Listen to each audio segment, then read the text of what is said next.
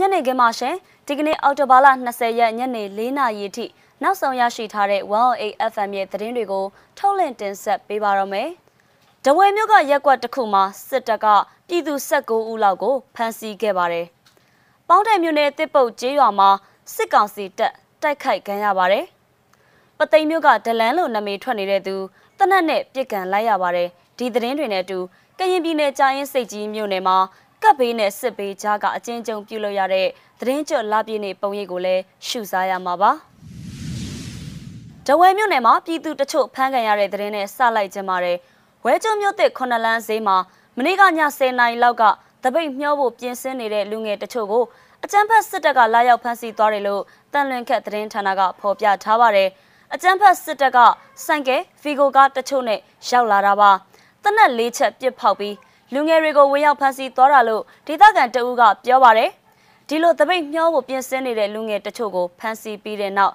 အနီးနားမှာရှိတဲ့နေအိမ်တချို့နဲ့ဟိုတယ်တွေကိုည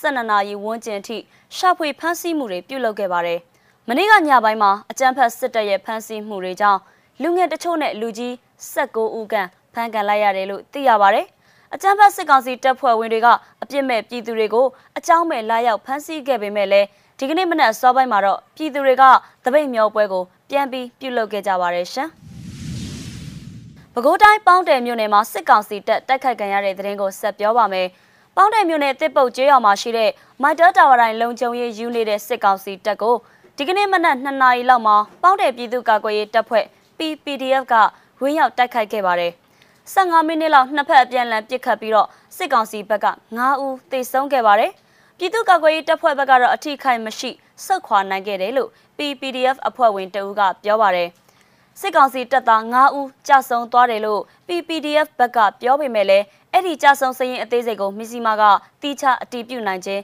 မရှိသေးပါဘူး။မနေ့ကပြစ်ဒဏ်တွေကြားတယ်တာဝရိုင်းနားကလုံခြုံရေးယူနေတဲ့စစ်သားတွေကိုလာပစ်တာလို့သိရတယ်။အထိခိုက်တော့ရှိတယ်ဆိုပြီးဒေသခံတအူးကပြောပါတယ်။တိုက်ခိုက်မှုဖြစ်ပြီးတဲ့နောက် တစ်ပုတ်ကျေးရွာအနီးတစ်ဝိုက်ကိုစစ်ကောင်စီတပ်ကအင်အားအများအပြားနဲ့ပိတ်ဆို့ရှာဖွေနေကြောင်းဒေသခံတွေစီကသိရပါတယ်ရှင်။ဆက်ပြောမှာကတော့ AR တိုင်းဘက်ကသတင်းပါပသိမ်မြို့အမှတ်9ရက်ကွက်ပပဝရီကိုလန့်မှာနေထိုင်တဲ့ဒလန်လိုနာမည်ထွက်နေသူကိုချိုဝင်းကိုပသိမ်မြို့ပြပျောက်ကြားတပ်ဖွဲ့ PSTF ကဒီကနေ့မနက်9နာရီခွဲလောက်မှာတနက်နဲ့ပစ်ခတ်ခဲ့ပါတယ်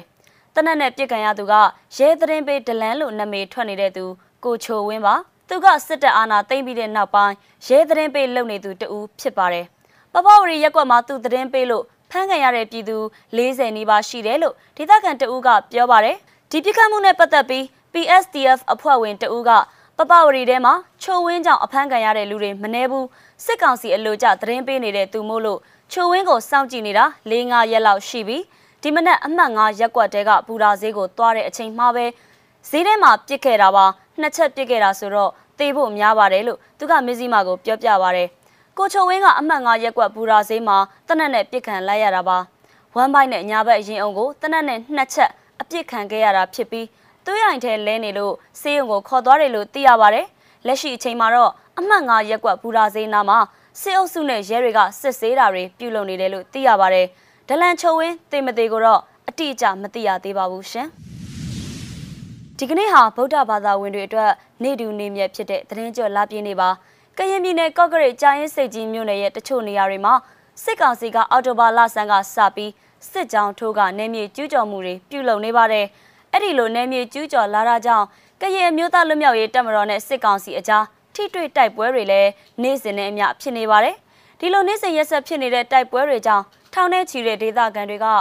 အိမ်တွေကိုစွန့်ခွာပြီးတင်းရှောင်နေကြရတာပါ။ အခုလိုဝါလာကင်းလွတ်တဲ့သတင်းကြွမှာဗုဒ္ဓဘာသာဝင်တွေကဖះเจ้าကံတွေကိုတွားပြီးကုသိုလ်ကောင်းမှုတွေပြုလုပ်လေရှိပါတယ်။ကြာရင်စိတ်ကြီးမြို့နယ်တွေမှာရှိတဲ့ဒေသခံတွေကလည်းလက်ရှိကက်ယောဂဘေးနဲ့စစ်ဘေးချင်းချောက်မှုတွေကြားက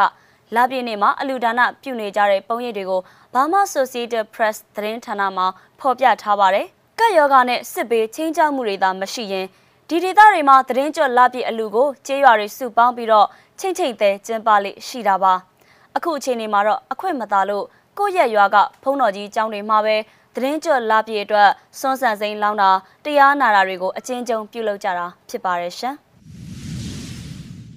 108FM ရဲ့ဒီကနေ့ညနေ4နာရီအထိနောက်ဆုံးရရှိထားတဲ့သတင်းတွေကိုထုတ်လွှင့်တင်ဆက်ပေးခဲ့တာပါအချိန်ပေးပြီးစောင့်မျှော်နားဆင်ပေးကြတဲ့အတွက်ကျေးဇူးတင်ပါတယ်ရှင်။